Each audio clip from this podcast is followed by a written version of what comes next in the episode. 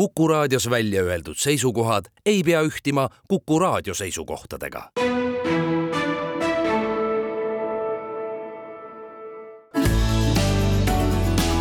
keskpäevatund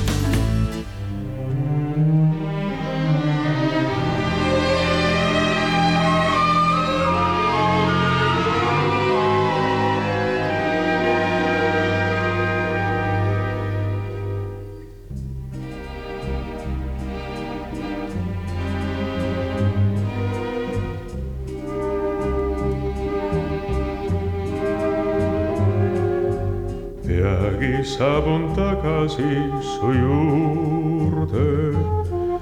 aastad möödunud ilma kodu poole. tean, et mind sa ootad, kohtuda veel loodad. lahkudes nii ütlesid mul sa. peagi saabun tagasi su juurde astume koos ellu jälle uudel, hakkavad siis ohked igatsused rohked,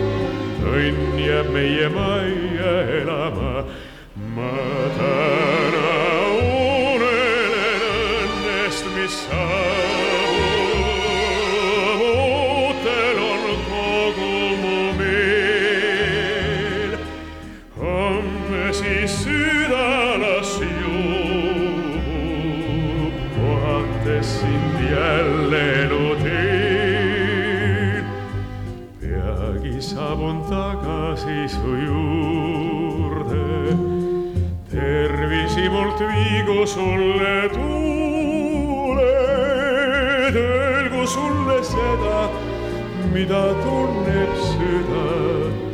tagasi su juurde saabun ma.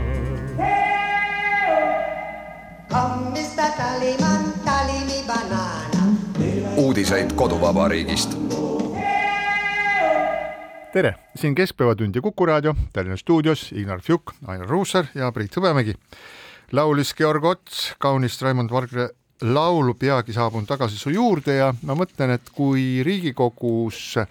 inimesed peaksid soovima oma elu põnevamaks teha, siis võiks Riigikogu ühendkoor, ma tean, et selline asi on olemas, nad on isegi esinenud Rahvustelevisioonis, võiksid iga kord, kui vastu võetakse järjekordne põhiseadusega mitte seotud seaduseelnõu,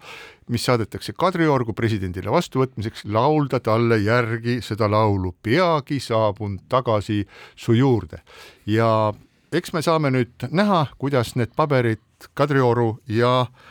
Riigikogu vahel liikuma hakkavad, aga olukord ongi selline, et pärast korduvat manitsemist ja noomimist vabariigi president Alar Karis lubas, tegi seda, mida ta lubas ja ei kinnitanud, ehk siis sisuliselt saatis tagasi Riigikogusse ühe seaduseelnõu, mille koalitsioon sinna oli saatnud ja mis sellest edasi saab, seda me kindlasti näeme. tõenäoliselt koalitsioon selle saadab muutmatul kujul taas Kadriorgu ja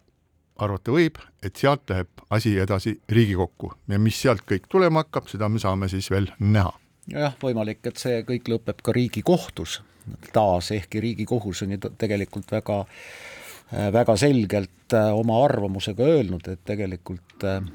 Riigikogu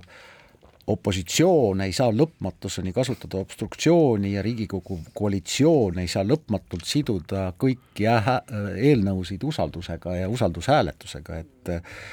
et minu küsimus on tegelikult see, et varsti juba pool aastat ja rohkemgi ei ole Riigikogu liikmed täitnud oma rahvalt saadud mandaati, ehk siis olnud need, kes nad on valitud. ja see on minu meelest tõsine probleem, seda, sellele juhtis korduvalt tähelepanu ka president, et et tegelikult äh, töövõimetu Riigikogu on see, kes peab oma töövõime taastama, aga tänane Riigikogu või vähemalt praegu ei ole olnud selleks suuteline ja ma ei näe ka märke, et oleks, oleks selleks suuteline. üldjuhul on ju nii, et kui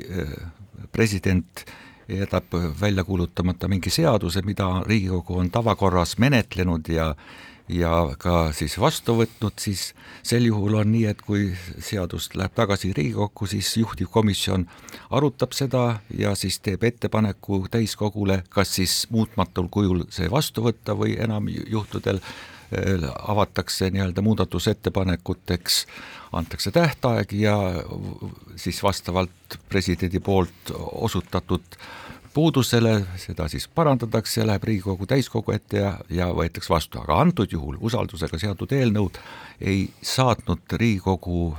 ette hääletamisele mitte komisjon, vaid valitsus. ja antud juhul, kui nüüd läheb eelnõu tagasi Riigikokku, siis see ei peaks puutuma juhtivkomisjoni, vaid see peaks laekuma to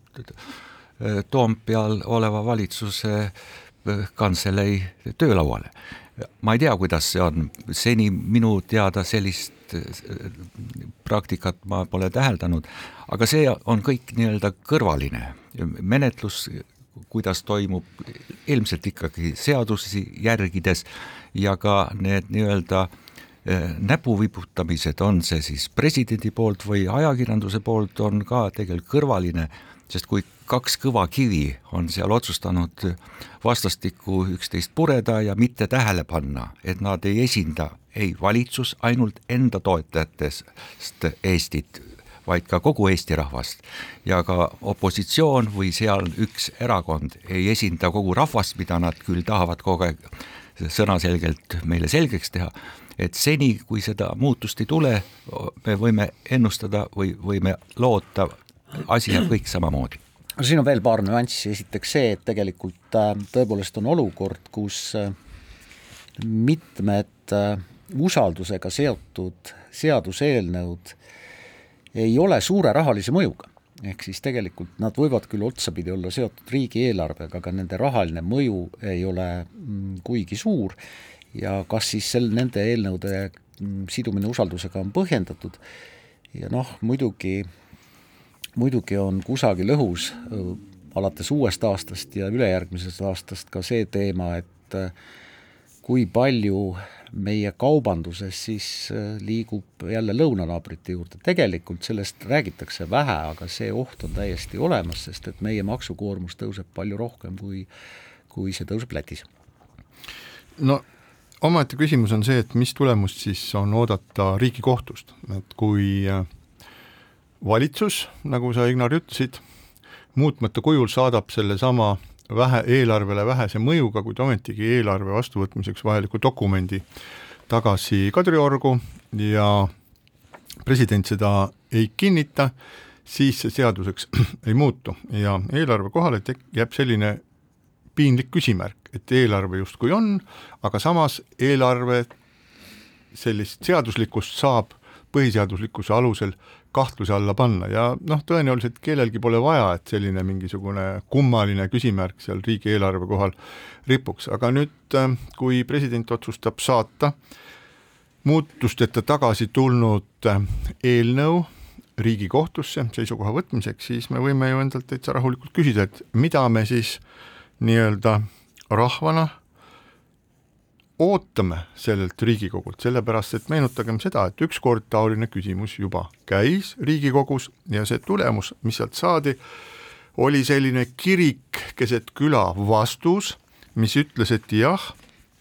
et opositsioon ei tohiks lõpmatult obstruktsiooni kasutada, kuna see takistab äh, nii-öelda riigi toimimist ja Riigikogu tööd, aga samas ei tohiks valitsus lõputult kasutada ka usaldusega seotud hääletusi ja nüüd ähm, need, kes seda diskussiooni jälgisid, need panid kindlasti tähele, kuidas kohe järgmine päev või samal päeval, kui see otsus oli tulnud, mõlemad pooled võtsid sealt endale just nimelt selle osa, mis toetas neid endid ja nende tegevust ja asusid sellesse pasunasse kõvasti õhku juurde puhuma. nii et tegelikult kumbki pool sai, luges seda teksti lihtsalt kui neile antud sellist vekslit, et võib teha küll ja avalikkus ei saanud siiski aru, et mida siis ikkagi võib, mida siis ikkagi ei või, kuidas peaks ja kuidas ei peaks. Ja kui nüüd see kõik lõpeb samamoodi, kui Riigikohus taas arutab seda pool aastat ja tuleb uuesti välja sellise seisukoha, et nojah, et põhimõtteliselt ja võib, aga ei peaks ja tohib, aga ei tuleks, siis ei ole sellest kõigest mitte midagi kasu. Nojah, riigieelarve on vastu võetud ja president ütles, et äh, erakorralisi valimisi ei tule, mis tähendab, et ta ilmselt riigieelarve seadusega ikkagi kuulutab välja, selle sõnumi on ta, on ta nagu väga selgelt öelnud, aga kõik see, mida sa kirjeldasid, Priit, tähendab lühidalt öeldes seda, et täna, tänases seisuga on nii valitsusliit kui ka opositsioon ja selle üks juhtivaid erakondi teatanud, et mingit sammu tagasi astuda nad ei kavatse. mis tähendab kokkuvõttes seda, et äh, ei võimul olevad parteid ega ka opositsioonis olevad parteid ei ole valmis naasma selle parlamendi või rahva esinduskogu normaalse töökorralduse juurde, millele on viidanud Riigikohus, millele on viidanud korduvalt president ja millele on viidanud ka mõned poliitikud, ise. Muide presidendi sõnavõtust jäi mulle ja ajakirjandusele ka jäi silma see, et äh, et vähemalt üks koalitsiooni esindaja ütles, et olukorra lahendaks Kaja Kallase tagasiastumine, ta küll ei öelnud, kes see koalitsiooni esindaja on, aga noh, selle, selle ta ära märkis. no see, Priidu, sinu poolt meenutatud eelmine juhtum, kui president läks seaduse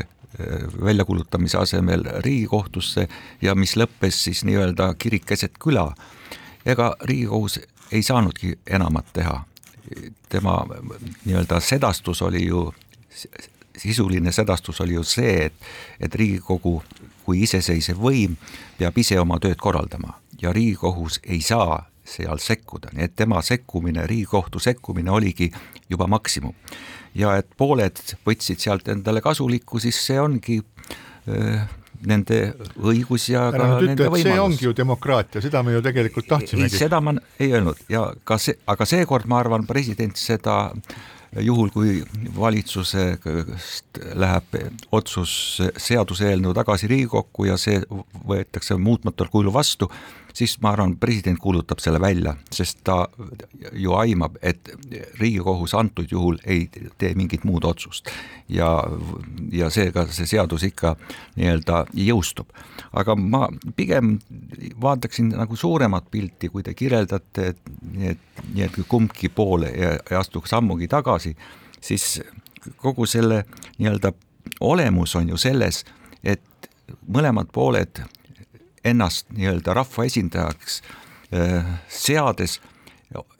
räägivad ja, või kaitsevad ainult iseenda võimu ja mitte väärtusi ja mitte Eestit, mis, mis, milliseid väärtusi me oleme kolmkümmend aastat üles ehitanud, millele tugineb meie põhiseadus. ja see on ääretult kahetsusväärne ja, ja no näiteks EKRE väited, et, et Reformierakond tuli võimule valetades, et ta ju ei rääkinud nendest maksutõusudest ja millest kõik iganes, mida valimistel lubati, tõsi, ma ei tea ühtegi eh, poliitilist jõudu, kes oma lubadusi oleks ellu viinud, no täielikult ellu viinud. seesama EKRE, tema esimene lubadus aasta kaks tuhat üheksateist valimistel oli see, et viime käibemaksu viieteistkümnele protsendile. Nad asusid kohe esimesel päeval valitsema, EKRIKE valitsus, midagi sellist ei olnud. Keskerakond on aastast üheksakümmend viis rääkinud astmelisest tulumaksust. üheski valitsusprogrammis, kus nad on, pole sellest sõnagi. seda loetelu võiks pikalt jätkata, nii et Reformierakonna ja tema esimehe ainus häda on tegelikult see, mitte see, et nad ei täitnud oma lubadusi või tegid seda, mida nad ei lubanud, vaid seda, et olles enne valimisi võimul ja teades rahalist seisu, nad varjasid seda. ja seda väljendab ju Kaja Kallase ütelus Rahvustelevisioonis, kui ta väitab, väitis, et kui me oleks sellest rääkinud, meid ei oleks valitud nojah, vot äh, Kaja Kallas viitab ju täiesti õigesti, et Eestis on kõrgema võimukandja rahvas, mitte Riigikogu ja mitte president, vaid just nimelt rahvas, rahvas on andnud mandaadi nendele erakondadele, kes on praegu Riigikogus, erakorralisi valimisi ei tule, nii et äh, valija peab kannatama järgmiste valimisteni, vot äh, üks asi, mida president väga õigesti veel ütles, oli see, et kui see kui see parlamendi vastasseis või nii-öelda soovimatus mõlemalt poolt teha samm tagasi, et taastada mingisugunegi parlamentaarne töökorraldus, pikalt kestab, siis võib see mõjutada tegelikult üsna olulisel määral valimistulemusi. ja mitte ainult valimistulemusi, vaid ka valimisaktiivsust ja kui valimisaktiivsus kukub sinna, Eestis on ta üle kuuekümne protsendi olnud viimastel valimistel. sõltub maakonnast. Eestis. Eestis kui suures maakonnas. on ta üle kuuekümne protsendi olnud äh, kokkuvõttes, siis tegelikult kui see langeb sinna viiekümne alla, siis on uus probleem ehk siis tegelikult äh, seesama kõrgema võimukandja võõrandumine äh, valitud esinduskogust, noh, ma loodan, et see laheneb enne järgmisi valimisi, ma loodan, et mingisuguse lahenduse võib-olla toob ka, toovad ka kohalikud valimised, aga sinna on ka veel mitu-mitu aastat aega. nagu me oma äh, arutelus siin ja ka meediast jälgime ja näeme, on presidendi roll vähemalt selles olukorras, kus on tekkimas mingisugune selline punnseis või kriisieelne olukord, on tema sõna ja, ja sekkumine hädavajalik ja selles kontekstis ma meenutan ega ta rohkem ei saagi sekkuda kui sõnaga. jah, aga see, see ongi poliitiku tööriist ja ma nüüd tuletan meelde, et kümmekond aastat tagasi tegi Siim Kallas ettepaneku, et presidendi võiks üldse ära kaotada, et eh, osa sellest eh, presidendi töökataloogist võiks anda peaministrile, osa Riigikogu esimehele, et kui nüüd mõelda, et meil ei oleks ka täna presidenti, meil on kaks võimutsevat ja nii-öelda sarvupidi koos olevat poliitilist jõudu Toompeal ja pole nii-öelda seda, kes ka mingi vaheda sõnaga sekkuks, me oleks väga viletsas olukorras, nii et see tänane kriis näitab, et presidendi äh, olemasolu ja roll just nende samade äh, võimuhoobadega, mis tal on, mitte midagi enamat, on hädavajalik. no võib-olla siis peaks mõtlema taas, hakkama mõtlema ikkagi tõepoolest sellele, et muuta põhiseadust ja ja anda presidendi valimise õigus rahvale, ehk siis äh, korraldada presidendi otsevalimised, mis tegelikult annaks presidendile veel, veel palju suurema mandaadi, kui tal praegu on, kas või moraalse mandaadi äh, sõnavõttudeks. nojah, aga eks me oleme sellel on nii plusse kui miinuseid, selged miinused on, on need, et kui president on valitud otse valimistega, siis tema äh, legitiimsus on nii, on tõenäoliselt hästi suur, et kui neid kandidaate on vähe, siis äh, üks neist saab suure hulga, suure hulga hääli ja siis, kui tekib näiteks selline olukord, et president, võimule astuv president on saanud seitsekümmend tuhat häält ja peaminister on saanud kakskümmend kolm tuhat häält, et siis on ju selge, kelle, kelle sõna nii-öelda rohkem maksab, rahvas otsustas, et ke, kelle sõna rohkem maksab. Ja see alati see legitiimsuse suurenemine toob endaga kaasa ka küsimuse volituste suurenemisest, et kui me vaatame selliseid presidentaalseid või poolpresidentaalseid riike, siis kus noh, meenutame, vaatame kas või Donald Trumpi, kes keelab, käseb, poob ja laseb, tänu sellele, et teda on valinud äh, kümned miljonid äh, inimesed, Äh, Prantsusmaa Macroni positsiooni, vaatame kas või Soomet, no enam-vähem selline poolpresidentaalne süsteem, presidendil on ka suurem, suurem võim, siis äh, mina arvan, et meil päris sellist presidentaalset süsteemi vaja ei oleks ja Eestil on ka sellised nagu kurvad kogemused ajaloost sellega, aga midagi, mis sellise poolpresidentaalse süsteemi juures võiks olla hea, et presidendi lihtsalt praegusest tasakaalustavast rollist toomine, nagu sa ütlesid, et nagu kõrgemale positsioonile, et äh, mingites punktides rohkem võimu juurde ja mingites punktides siis äh, võimalust äh, oma sõna kaalukamaks muuta, aga selle suur probleem on kindlasti see, et äh, kuidas me sellega pärast siis elama hakkame, sellepärast nagu eestlased tavaliselt ikka, et alguses ütlevad hurraa, kõik on väga tore, teeme nii ära ja siis, kui on tehtud, siis ütled oot-oot-oot-oot-oot, aga tegelikult me seda, sellist Eestit me üldse ei tahtnud. no seda protsessi ei saa muidugi ka üle pää-, üleöö teha, et selleks on vaja muuta põhiseadust ja põhiseaduse muutmine iseenesest on väga keeruline protsess. ja seda pole tahtnud mit-, teha mitte ja, ükski erakond, mis on rääkinud enne presidendivalimisi põhiseaduse muutmisest ja pärast seda on kõik vait nagu kulditrukis ja see on olnud läbi aegade nii. ja, ja, ja milleks noh, loomulikult on riike, kus ka meie põhiseaduse kohase võimuga presidenti valitakse otse rahva poolt, no näiteks Soome Vabariigis, aga aga alati siis tekib küsimus, et, et mis on see, mille alusel see valik toimub sest valimistel ju poliitiliste erakondade ja erakonna ja Riigikogu ja kohalike omavalitsuste valimistel ju esitatakse mingid programmid, mingid lubadused, me teeme seda, teeme teist või ei tee seda ja ei tee teist, aga mis on presidendil selle võimutäiuse või selle võimu juures, mis tal on, lubada? mitte midagi. ja seetõttu see valik võib osutuda puhtalt subjektiivseks, kes oskab nii-öelda paremini meediat ära kasutada, kes kulukamalt ja rohkem paneb nii-öelda reklaami ja ei valitagi tõenäoliselt seda, kellel on tugevam ja autoriteetsem sõna. valija on valija ja president on president. aga, aga selles kontekstis ma tahaks pigem öelda, et me oleme nüüd juba pool saatest rääkinud nii-öelda kõrvalisest ja me pole sõnagi rääkinud eelarvest, mis vastu võeti, mis juba vastuvõtu hetkel ei vasta neile tegelikele prognoosidele, mida nüüd lähipäeval näiteks ka Eesti Pangast tuleb välja. järgmise aasta kahe koma kaheksa protsendine majanduskasv võib osutuda nulliks või isegi languseks ja, ja kogu selle juures, et on selline kasin ja, ja realist ja ebarealistlik eelarve vastu võetud, ta ei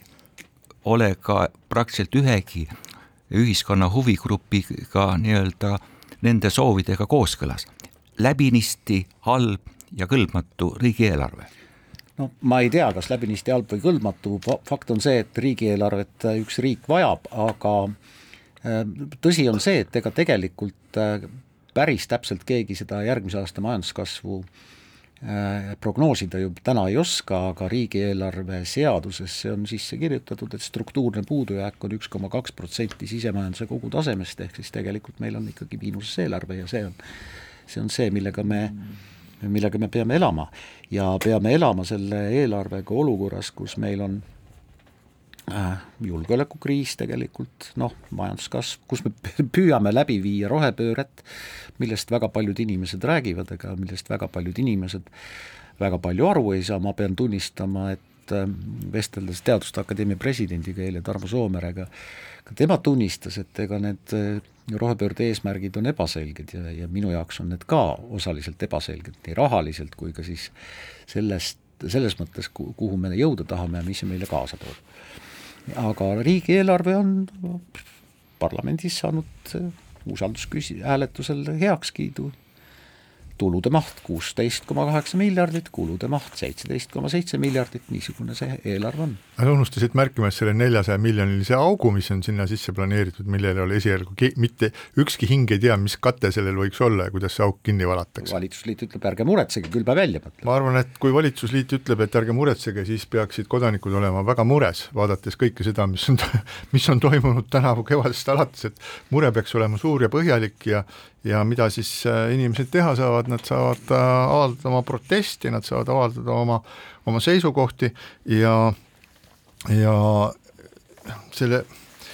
Riigikogu, nii et kui me räägime, tahtsin öelda ka Riigikogu nii-öelda koalitsiooni-opositsiooni vastasseisu kohta seda, et et mulle hakkab üha rohkem tunduma, et et see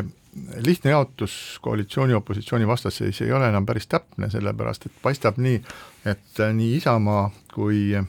Keskerakond on palju mõõdukamatel äh, seisukohtadel, nad on äh, tõenäoliselt sellised, nad annavad märku, et nad on läbiräägitavad mingites punktides, aga see, kes on täiesti jäigal positsioonil, kes on öelnud, et äh, nende eesmärk on kas erakorralised valitsused või siis peaministri tagasiastumine, et see on EKRE. et tegelikult see on huvitav olukord, et kuidas siis, et lihtsalt küsimus, et kas on olemas ka selline võimalus, et mingisuguses positsioonis mm, Keskerakond ja Isamaa nõustuvad siis koalitsiooni seisukohtadega ja EKRE jääb sellest mängust välja? ma arvan küll jah, senikaua kuni mm, Reformierakond on ikkagi kohtade arvult juhtiv partei ja seda on ta järgmiste valimisteni kui nüüd järgmised aastad ei too kaasa mingit, midagi erakorralist, siis äh, nii see on, sellepärast et nii Reformierakond on ju otseselt öelnud, et mingit koostööd nad EKRE-ga ei tee ja EKRE on täpselt sama väitnud Reformierakonna kohta, nii et tegelikult meil on parlamendis kaks parteid, kes on täiesti mustvalgelt ja korduvalt kinnitanud, et nemad äh, üheskoos tegutsema ei hakka. Nii et tegelikult siin on tõepoolest äh, nii Keskerakonnal kui ka Isamaal noh äh,, valitsusremondi puhul, millele me ka eelmisel saates viitasime, et, et ükski valitsus ei ole kestnud äh, samas koosseisus valimistest valimisteni. valimisremondi puhul on mõlemal nendel erakonnal tegelikult võimalus noh, muutuda valitsuspartneriks, kas siis neljandaks, mida ma hästi ei usu, või siis kellegi asemel. jah, noh, mõelge selle peale, siinkohal väike paus. keskpäevatund. Ja Keskpäevatund jätkab Tallinna stuudios Ainar Ruussaar, Ignar Fjuk ja Priit Hõbemägi. räägime nüüd äh, õpetajatest ja haridustest, et äh, teisipäeval avaldati PISA haridusuuring, see on selline äh, see ingliskeelne nimi on Program for International Student Assessment ja see on rahvusvaheline haridusuuring, mis uurib viieteistaastaste noorte teadmisi ja oskusi matemaatikas, loodusteaduses ja funktsionaalses lugemises. Ja seda korraldatakse OECD poolt ja toimub iga kolme aasta järel. Ja Eestil on viimastel kordadel Eesti osaleb seal alates kahe tuhande kuuendast aastast olnud silmapaistvalt head tulemused ja saime taas rõõmustava sõnumi selle kohta, et Eesti põhikooli õpilaste teadmised on maailma tipus, kuigi loodusainetes on punktisumma kukkunud, aga me võime öelda, et Euroopa riikide seas jagab Eesti koos Šveitsiga matemaatikas esimest-teist kohta loodusteadustes oleme esikohal ja lugemises koos Iirimaaga esimesel-teisel kohal üldtabelis, edastavad meid ainult sellise karmi õpi, õpisüsteemiga Hiina ja, ja Lõuna-Korea. Singapur ja Jaapan. Singapur ja Jaapan, Jaap-, Jaapan jah, aga kahtlemata tuleb öelda, et nende riikide õpisüsteemid ja koolisüsteemid on väga-väga erinevad ja need põhinevad üsna sellisel karmil karmil tuupimisel ja hirmul selle ees, et äh, kui sa nüüd korralikult ennast ähm, terve lapsepõlve siin äh, ninaraamatusse ei istu, et siis sinust ei saa midagi, sa ei hakka saama head kohta ega head palka ega midagi taolist, aga üldiselt võime olla Eesti laste üle väga uhked ja kui me oleme Eesti laste üle uhked, siis tuleb ju olla aus ja öelda, et tegelikult me peame olema Eesti õpetajate üle väga uhked. absoluutselt, noh tegelikult äh, see PISA test ikkagi näitab seda, et meie ühiskond väärtustab haridust väga tõsiselt, äh, hariduste, haridusest, õpetajatest äh, räägivad inimesed, kellel ei ole kooliga enam ammu ka mingit pistmist, aga neid puudutab see, mis on väga oluline, ehk siis kordan veel kord, haridust väärtustav hoiak, ja ilmselt ka ikkagi haridussüsteem, mis siiamaani on, on vastu pidanud, mis siiamaani on toonud neid äh, häid tulemusi, tõepoolest, nagu sa, Priit, ütlesid, PISA test puudutab põhikooli õpetajasid, et seda, äh, milline ja kui suur on meie gümnaasiumide edulugu, seda saab välja lugeda kõrgkoolidesse õppima siirdujate arvust, nende varitud erialast ja veidi ka töö, tööturust, aga seda nagu eraldi ei, ei uurita, aga tõepoolest, suur osa neid õpetajaid, kes on meie PISA eduloo taga, nii näitab statistika, on lähiajal pensioniealised. aga nüüd te räägite sellest PISA äh, testist ja Eesti õpilaste tulemustest ülivõrdes ja ja ongi teatud osas ma Nii sellega ongi. täiesti liitun teiega ja ma olen uhke Eesti äh, õpilase ja eestlase üle. aga siin on ka omad nüansid ja kui nüüd teemasse süveneda, siis näiteks tuleb välja, et, et matemaatika puhul, kus on nii-öelda kuus astet, siis seda kõige kõrgemat, kuuendat astet läbis Eesti lastest ainult kolm koma kaheksa protsenti, aga Singapuris oli see näitaja kaheksateist protsenti, Jaapanis veidi allpool ja samas jälle need, kes eestla-, Eesti lastest ei läbinud kõige madalamat testi, oli praktiliselt see osa puudus. teistel oli see jälle suurem. mida see näitab, et Eestis on väga tugev ühtluskool, kuid tippe on vähe. ja selles kontekstis ma hakkan äh, meelde tuletama ühiskonnas aeg-ajalt levimat, levivat sellist eliitkoolide või ütleme, tippudele mõeldava kooli halvustamist. ja see võib tähendada seda, et me küll nii-öelda aitame kaasa kõige nõrgemaid või ühel või teisel põhjusel mahajääjaid, aga me võtame ka tippudelt motivatsiooni. see on üks moment ja teine moment on see, et võrreldes eelmise PISA testiga, siis Eesti koolide nii-öelda punktisaak veidi langes. Vene koolidel Eestist see ei langenud, kuigi Eesti koolidel on jätkuv, jätkuvalt suur nii-öelda edu vene koolides. ja viimane, mida ma tahaks välja tuua, on see, et kui võrrelda Eesti linna ja maakoole, siis linnakoolid edastasid maakoole kümne punkti võrra, aga kui võtta sellest linnakoolide kogumist ära Tallinna, Tartu ja Pärnu koolid, siis maakoolid olid paremad nii-öelda meie keskmise suurusega linnadest, Rakvere, Viljandi, Haapsalu,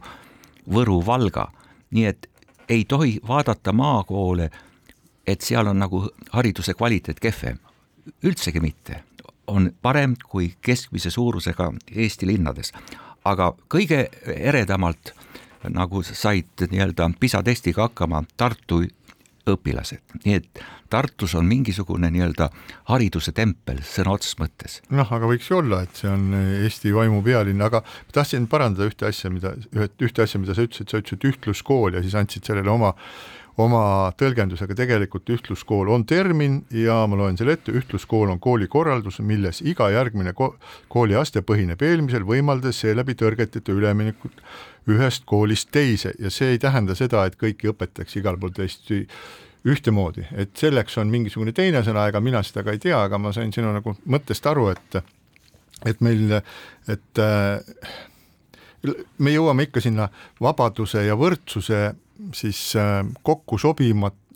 kokku sobimatuseni selles mõttes, et ei saa olla nii, et kui kõik on võrdsed, et siis samal ajal me loodame ka palju tippe. ei, kui me tahame saada palju tippe, see tähendab seda, et tuleb lubada ka erinevusi ja nendel, kes on andekamad ja tublimad, nendel kõrgemale üles, üles tõusta. no just, kõik ei saagi tipus ja, olla. ja me mitte ainult ei pea toetama nõrgemaid, vaid me peame toetama ka tippe, sest ka nemad on haprad ja nad vajavad nii-öelda tõelist toetust loomulikult jah, aga mina julgen küll väita, et nii palju, kui ma olen tegelikult aru saanud, siis äh, tänane Eesti koolisüsteem, mis ei tähenda ainult äh, õppimist, äh, tundide ettevalmistamist, vastamist ja, ja häid või keskmisi hindeid, vaid see tähendab ka tegelikult väga paljuski keskkonda ja see keskkond on erakordselt oluline ja ja mulle tundub küll, et enamustes Eesti koolides äh, praegu on see koolikeskkond ikkagi pigem nagu kooli, haridussüsteemi ja õpilast äh, toetavad, et äh, et mul on, mul on seda nagu hea kogeda, et et ma arvan, et neid lapsi, kes rõõmuga hommikul kell seitse üles tõusevad selleks, et õigel ajal kooli jõuda,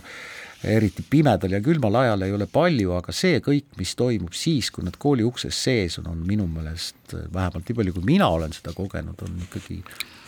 väga, väga oluline ja Eestis päris hästi korraldatud. võib-olla on see hetk just nüüd, kui me võiks vaadata ka nii-öelda seda, mis uuel aastal meil ees ootab, ehk õpetajate streik ja, ja see fookus, mida äh, õpetajate ametiühingu esindajad või, või ametiliitude esindajad on äh, meile andnud teada, et küsimus on eelkõige või üksnes nii-öelda selles alam- või miinimumpalgas aga kui nüüd teemasse süveneda, siis mina küll näen, et, et see põhiteema ei ole nii-öelda selles palgas, vaid üldse kogu üldhariduse korralduses. ma tuletan meelde, et kuskil viisteist aastat tagasi oli Eestis veel olemas ka teatud mõttes üldharidussüsteemis ka õpetajatele karjäärisüsteem, mis tähendas seda, et et sõltuvalt õpilaste arvust klassis oli ka õpetajate, õpetaja töötasu erinev, sõltuvalt sellest, mis ainet anti, oli õpetajate töötasu erinev ja sõltuvalt staažist oli see erinev, aga aastal kaks tuhat kolmteist, siis oli vist haridusminister Jaak Aaviksoo, see süsteem lammutati ja anti omavalitsustele õigus ise kujundada palgasüsteem no. ja omavalitsus... tänasest hetkeks ei ole see rakendunud praktiliselt ühes, no ütleme, väga vähestes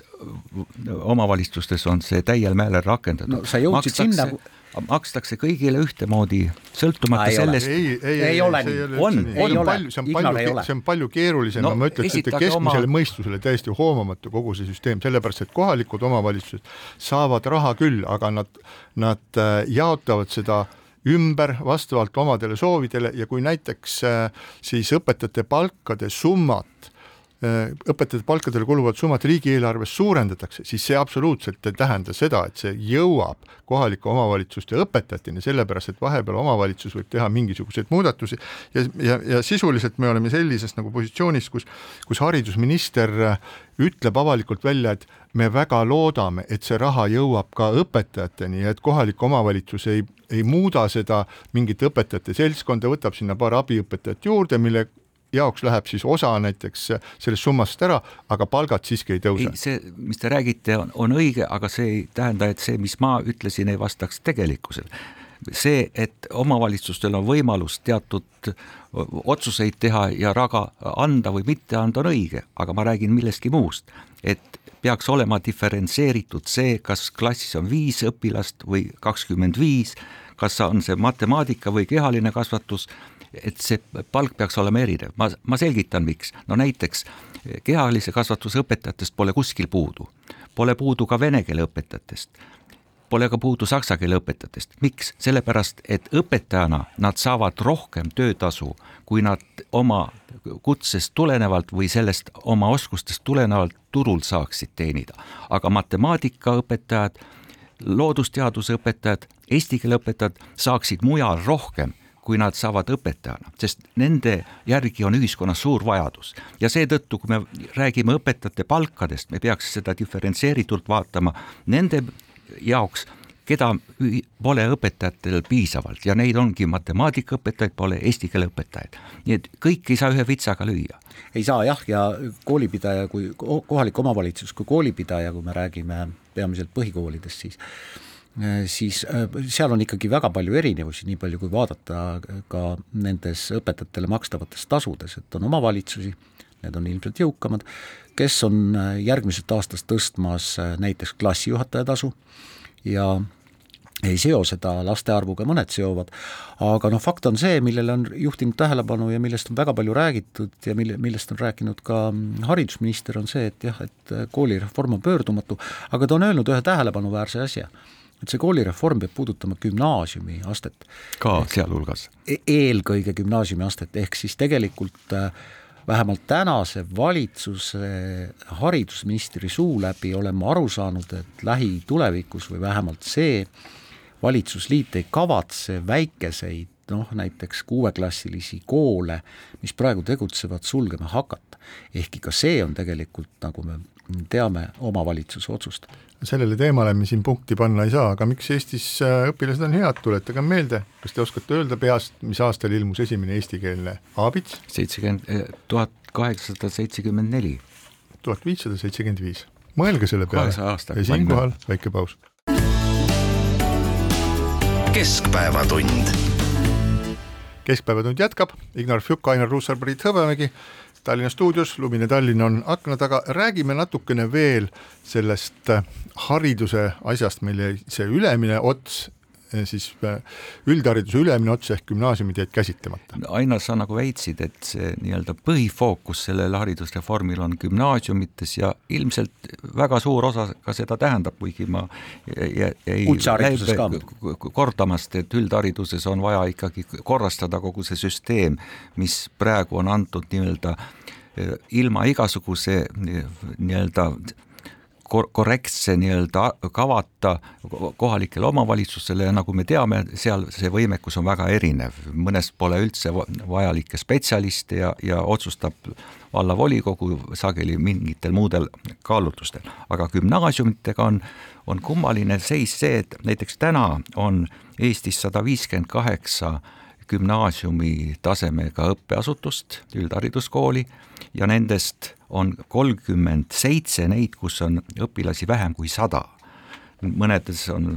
ja neid on ka väga palju, kus on napilt viiskümmend või napilt üle viiekümne. ja üks kriteerium, mida nüüd Haridusministeerium on seadnud, et kõik need, kus on alla saja õpilase, et nendega peaks nagu midagi ette võtma. kuid ma oleksin väga ettevaatlik selles, sest, sest paljudes kohtades, kus nii-öelda antakse õpila-, lastele keskharidus ehk toimub see nii-öelda gümnaasiumi taseme õpe, et need koolid on mõnes mõttes nagu sünergilises koostöös kohalike lähedal või natuke kaugemal olevate põhikoolidega. see annab õpetajatele tööd nii siin kui seal ja, ja igasugune haridusasutus kohalikul tasandil on kõige olulisem regionaalpoliitiline meede. see ei ole mingisugused toetused või, või, või, või lihtsalt poliitikute jutt, vaid see, et on kohal maasool, on õpetajad ja on ka lapsed ja lastevanemad, kes töötavad kas siin või natuke kaugemal, et see on tõsine regionaalpoliitiline ettevõtmine. aga nüüd et see, lisan ühe väga kummalise ajaloolise vaate, et aastal kaks tuhat seitse, eks see on siis circa viisteist aastat tagasi, oli Eestis kakssada viiskümmend kooli, tähendab gümnaasiumiõpet andvat kooli. Aastal kaks tuhat seitseteist ehk kümme aastat hiljem oli nendest järele jäänud ainult sada kuuskümmend kaheksa ja siis Haridusministeerium tegi sellise analüüsi või see on nagu ennustus, aga see oli ka nagu võetud kohustus, et aastaks kaks tuhat kakskümmend on järele neid koole ainult sada. aga tegelik seis on, täna on juba kaks tuhat kakskümmend kolm, on alles neid ikkagi sada viiskümmend kaheksa. nii et igasugused ennustused või katsed nii-öelda koole likvideerida on alati põrkunud teatud mõttes talupojatarkusele, et nad peavad teadma, et kooli likvideerimine tähendab ka maa tühjenemist no ei pruugi alati tähendada maa tühjenemist, aga sul on selles mõttes õigus, et tegelikult nii äh, nii põhikooliaste kui gümnaasiumiaste peaksid olema selles mõttes seotud, et, et tõepoolest äh, kui me eeldame, et äh, õpetajal on magistrikraad, mida seadus nõuab, et nad siis tegelikult suudaksid anda nii põhikooliastmes kui ka gümnaasiumiastmes teatavaid aineid, see oleks hea ja teine muidugi, kui gümnaasiume, neid väikeseid gümnaasiume äh, hakata likvideerima, siis see selleks, et elu maal ei lakkaks, see tähendab ilmselt ikkagi koolitranspordi ümberkorraldamist, ühiselamu võrke, võrku ja, ja, ja kõike muud säärast, et, et nii ta paraku lihtsalt on. mina õppisin Nõukogude ajal ühes Eesti väikelinna hiigelsuures keskkoolis ja muide, see keskkool teenindas päris suurt piirkonda selle väikelinna äh, ümber asuvast maakonnast ja tõepoolest sellel koolil oli ühiselamu, see kool, seda kooli teenindas ka noh, koolitransport, nii et tegelikult kui need kaks asja või kolm või veel neli või viis asja juurde panna, siis tegelikult on võimalik ilmselt seda gümnaasiumivõrku ka natukene, natukene efektiivsemaks muuta. Aga saate lõpuks tahaks natuke rääkida jõulupreemiatest. Jõulupreemiatest selles mõttes, et teatavasti kõik inimesed, kes töötavad eraettevõtetes, on ammu juba unustanud sellise asja, et kunagi maksti kellelegi jõulupreemiat, noh mina ise neid aegu ka veel mäletan, sellest on kindlasti rohkem kui kümme aastat tagasi, aga tänasel päeval ei maksa mitte keegi, mitte ükski ettevõtja ei maksa oma töötajatele jõulupreemiat vähemasti no, nii kategooriliselt võib-olla ei saa öelda. ja mõni, ja mõni, kellel võib-olla läheb väga hästi, et võib-olla maksab, nagu üldiselt era, eraettevõtluses on see täiesti kadunud, aga üllatav-üllatav, ajal, mil valitsus räägib kogu aeg sellest, et raha ei ole, et kui sooviti kokku kärpida lubati külmutada ministeeriumi, ministeeriumi ametnike palkasid, ametnike palkasid lubati kokku kraapida viiskümmend miljonit, personali arvelt riigiasutustes saadi ainult äh, nelikümmend üks miljonit, ajal mil siis vastu võetud eelarves on neljasaja miljoni suurune auk, tuleb korraga välja, et äh, erinevad ministeeriumid on planeerivad siis tänavu lõpus või tuleva aasta alguses maksta kokku ligi viis miljonit eurot jõulu preemiateks, mida nimetatakse ilusasti tulemustasuks. ja kui me vaatame neid erinevaid äh, ministeeriumi, siis näiteks äh, tuginen siin Eesti Päevalehe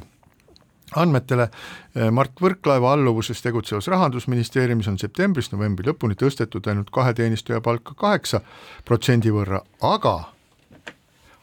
oma aasta eesmärgid täitnud töötajaid ootab aasta lõpus boonus, mis on tänavu keskmiselt ja nüüd ärge kukkuge maha, hoidke kinni, kaks tuhat seitsesada viiskümmend eurot oma aasta eesmärgid täitud töötajatele